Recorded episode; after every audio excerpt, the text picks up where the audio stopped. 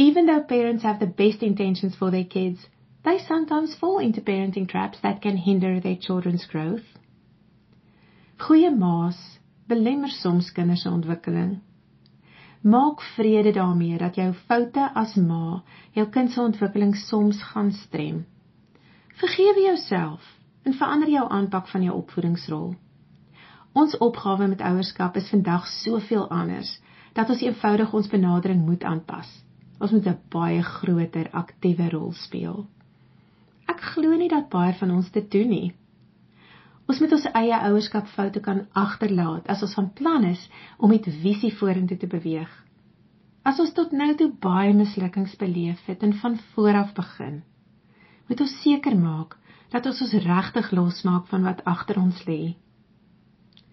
Kry perspektief op die impak van jou foute amper alle ouers wat voel asof hulle misluk het, voel sou weens een of meer insidente van konflik. Dit beteken iemand is skuldig, iemand is kwaad. Iemand is spyt. Iemand is hartseer of iemand is eensaam. Hierdie emosies laat die probleem dikwels groter voel as wat dit is. Ons het dus regtig perspektief nodig. Iets waarvoor ons moet bid voordat ons die klip uit die pad begin rol ernstige ouerskapflater soos fisieke of emosionele mishandeling of verwaarlosing moet met 'n skopgraaf verwyder of hanteer word eerder as 'n lepel.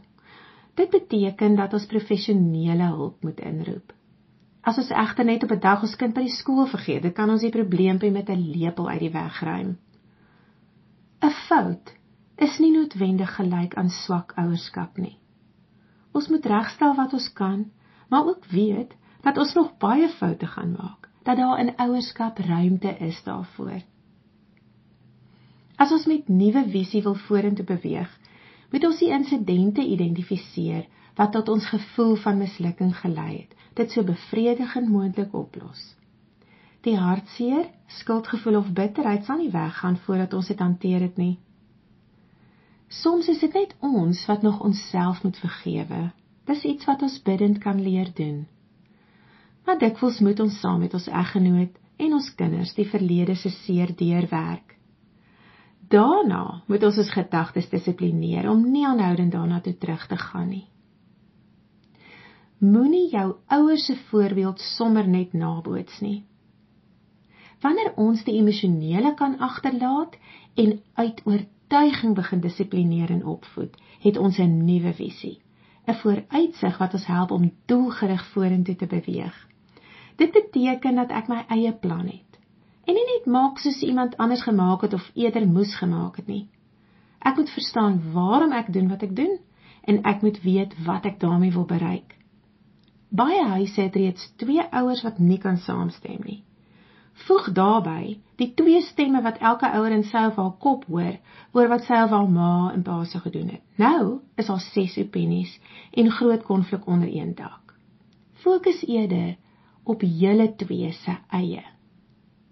Daar was 'n tweede rede om nie maar net my ouers se goeie ouerskap voorbeeld te dupliseer nie.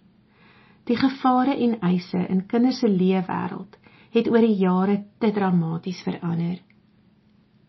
Ons ouers kan ons laat TV kyk sonder om te vrees dat ons onskuld gesteel gaan word en ons na enige skool te stuur met die seker wete dat ons daar 'n goeie opvoeding gaan ontvang.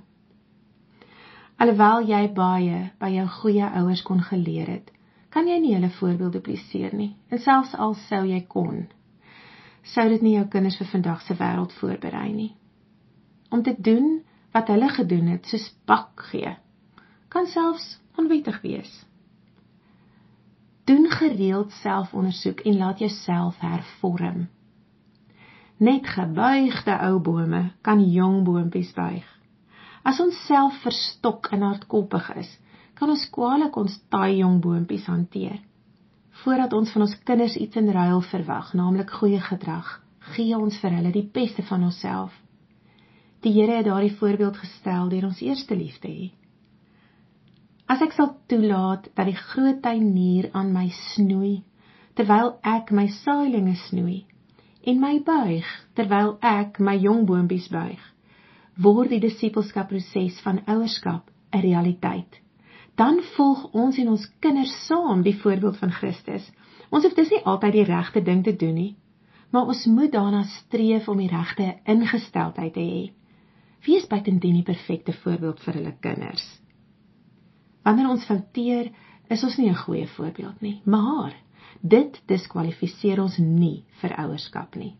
Ons moet egter 'n baie belangrike ding verstaan.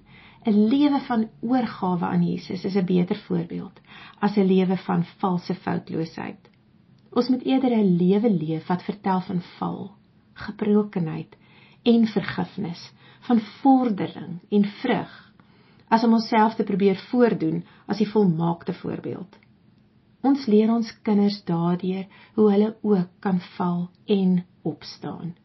Die enigste voorbeeld wat waardig is om voorgehou te word, is Jesus. Ons beste voorbeeld vir ons kinders is daarom een van opregte Jesus navolging.